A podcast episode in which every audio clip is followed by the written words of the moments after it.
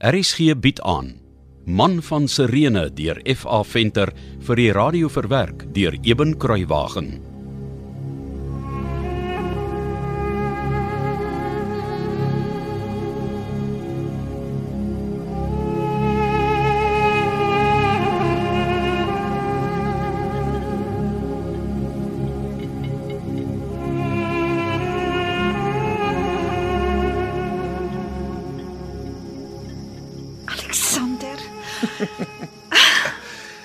Het ons tog nie vergeet nie. Dis pragtig. Met al my liefde. Dis die mooiste, mooiste ragfyn deurskynende purperkleed. Sag soos 'n wolk. Ek het in my lewe nog nooit so iets gesien nie. Dankie. Dankie my liewe Alexander. My kind, sê my asseblief, die litteken hier op jou wang, wat wat het gebeur? 'n Slaaf. 'n Slaaf het my geslaan met die skerp kant van 'n roeispaan. Dit was ver op die oop see. Dis kant Kreta. 'n Slaaf. 'n Slaaf, ja, vader. 'n Wreedaard uit Sirië. Ek het sy kop ingeslaan. My kind. Maar 'n slaaf. Wat het jy met 'n slaaf te doen? Ek's 'n slaweopsigter op die galei wat vandag hier in die hawe aangekom het. Jy's 'n slawedrywer vir die Romeine. Daar moet slaweopsigters ook wees, vader. Ja, maar jy's my seun. Jy's 'n Jood. Vader, Rome regeer die wêreld. Simon. En vader moet onthou, keiser Tiberius is die groot vors. Wat help dit tog om ons te verset? Daar's net een groot vors Alexander.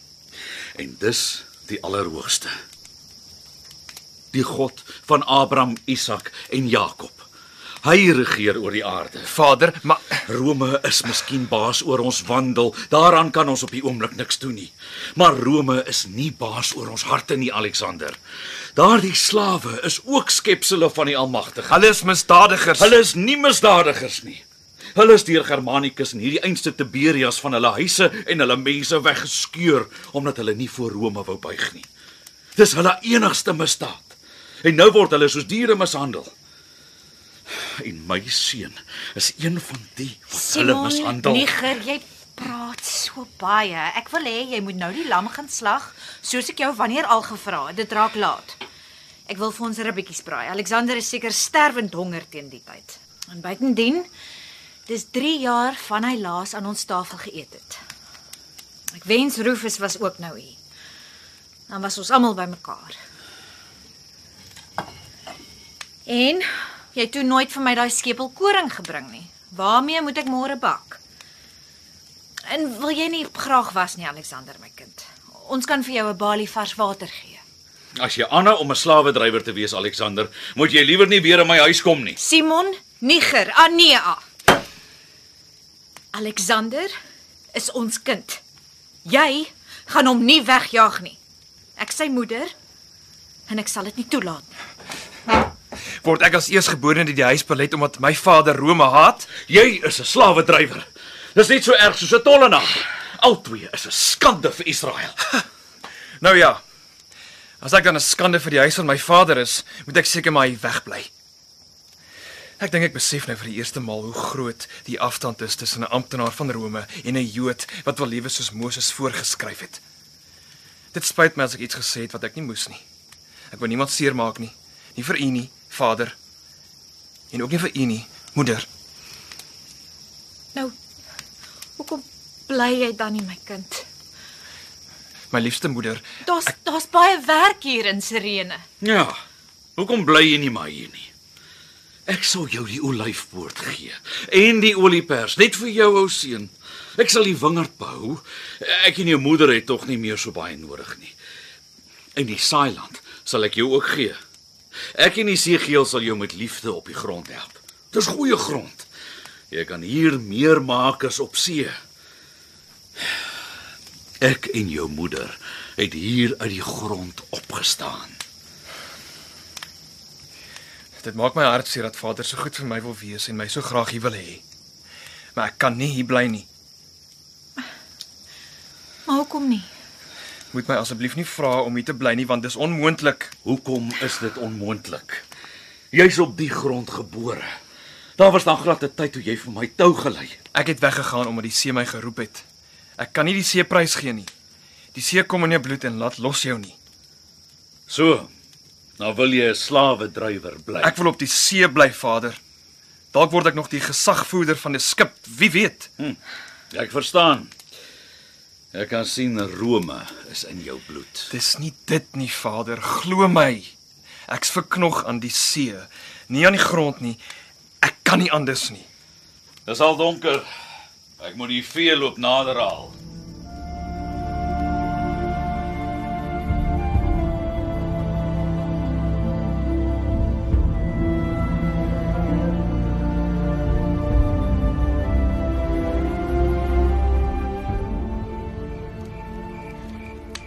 Dit's nou al heeltemal donker. Ek's bekommerd oor Vader. Ja, hy. Jou vader het maar stryd in sy binneste oor reg en verkeerd en die wet van Moses. En miskien moes ek liewer nie gekom het nie. Maar ek was 3 jaar weg en ek het so verlang. Ja. Die 3 jaar het hom laat verander. Ag, dit het vroeër al begin, maar die afgelope 3 jaar het hy heeltemal verander. Ja, hy is anders as toe ek hier weg is. Hy haat Rome. En tog het hy my en Rufus volksvreemde name gegee. Alexander, daar's iets wat jy moet weet. Ja, moeder? Ons het nog nooit daaroor gepraat nie, maar nou het jy dit genoem en ek vermoed jy meen jou vader huigel omdat hy so teen Rome is. Daarom moet jy nou weet. Ek luister. Toe ons na die groot opstand uit Alexandrië in Sirene aangekom het, as ons jonk en arm. Baie arm. Wat se opstand? Wel amper die hele Egipte het teen Rome opgestaan. O, En uh Rome het gesê die Jode het die opstand gelei. Baie mense is doodgemaak, gekruisig. was moeder hulle dan daar toe dit gebeur het? Ja, amper. Maar gelukkig het ek en jou vader betyds weggekom. Hoe? Wel, daar was 'n Griek. Alexander Diandros. Hy was 'n goeie man en 'n groot handelaar wat langs die kanaal gewoon het. En hoe het moeder hom geken? Jou vader het vir hom gewerk. O, Ja. Hy het uh, hy het ver vir Alexander gereis met sy karavane, partykeer tot ander kant Damaskus, soms tot aan die Persiese Golf. sjoe, ek het nie geweet nie. Ja. Alexander Diandros het ons lewens gered. Hy het ons betyds gewaarsku want hy het in die stadsregering van Alexandrië gesit. Dis hoekom hy vooraf van die Egiptiese opstand geweet het en hy het gehoor hoe Rome gaan wraak neem. Toe het hy vir ons twee kamele en kos en geld gegee sodat ons kon vlug. Maar hoekom het moeder hulle na Sirene gevlug? Hoekom nie na Jerusalem nie? Was dit nie veiliger nie? Nee, nee, die die meeste Jode het op pad na Jerusalem gesterf. O, Ja, en uh, Alexander Diandros het dit gelukkig geweet. En dis hoekom hy ons na Sirene gestuur het. hy was baie goed vir moeder hulle, nê? Nee. Baie. En toe 'n paar jaar later het jou vader weer vir Alexander Diandros gewerk tot hy sy eie baas kon word. As afskeidsgeskenk het Alexander 5 kamele vir hom gegee. So dit lyk my hy was 'n baie vrygewige man ook. Ag, oh, ja, nee.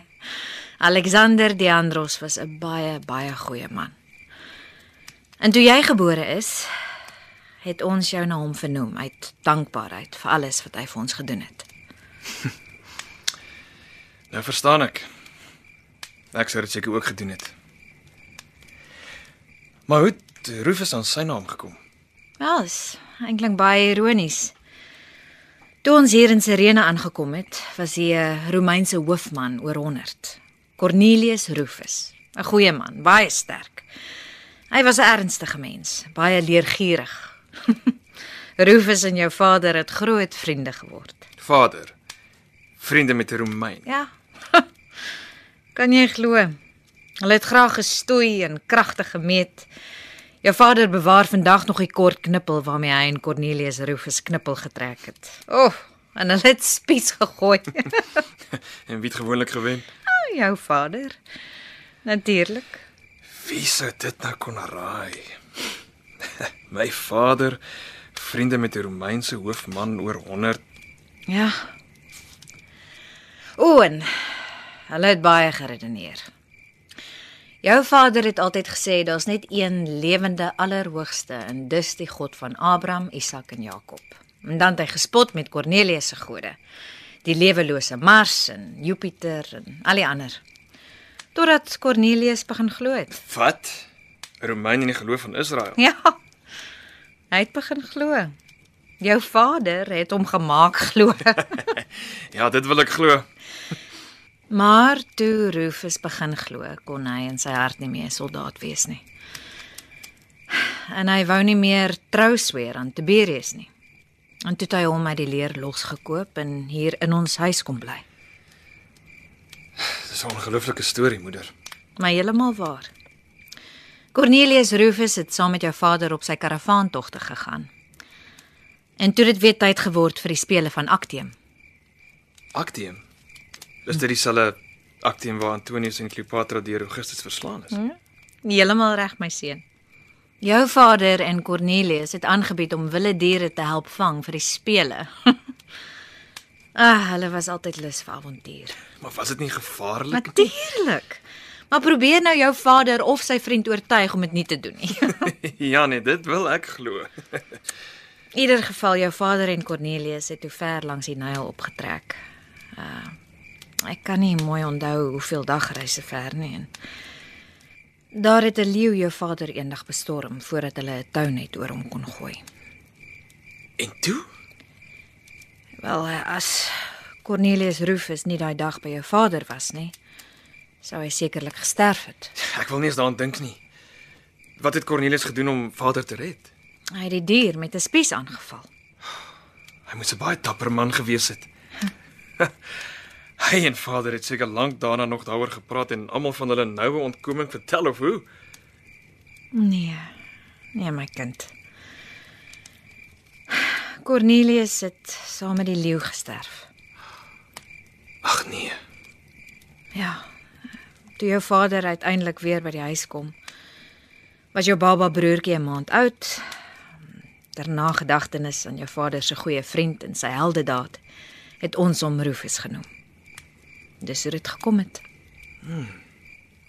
Dis vreemd dat vader ons dit nooit vertel het nie. Ja, hy hy praat nie graag daaroor nie, Alexander. Vir hom is die herinneringe te pynlik. Wat het vader so laat verander? Waar kom die haat dan vandaan? Hy verstaan tog seker dat nie alle Romeine boos is nie. Ja. s- Baie dinge het jou vader verander. Belastings, kopbelasting, tiendes, vyfdes. Die dood van Johannes die Doper. Die moord op daai goeie man het jou vader rasend gemaak. Ek het nie besef vader was 'n volgeling van die doper nie. Nee, hy hy was nie. Vir hom was dit eerder 'n oorwinning van die onderdrukker oor Israel. Ek sien. Ja, jou jou vader is bitter. Hy vervloek Rome. Hy bid elke dag dat die Messias moet kom om Rome uit te roei en Israel weer groot te maak. Dankie moeder. Ek dink ek verstaan my vader nou baie beter. RSG se middag vervolgverhaal Man van Sirene deur F.A. Venter is vir die eerste keer in 1957 uitgegee en is in 2016 weer uitgegee deur Lux Werby. Die verhaal word in Kaapstad opgevoer onder regie van Joni Combrink.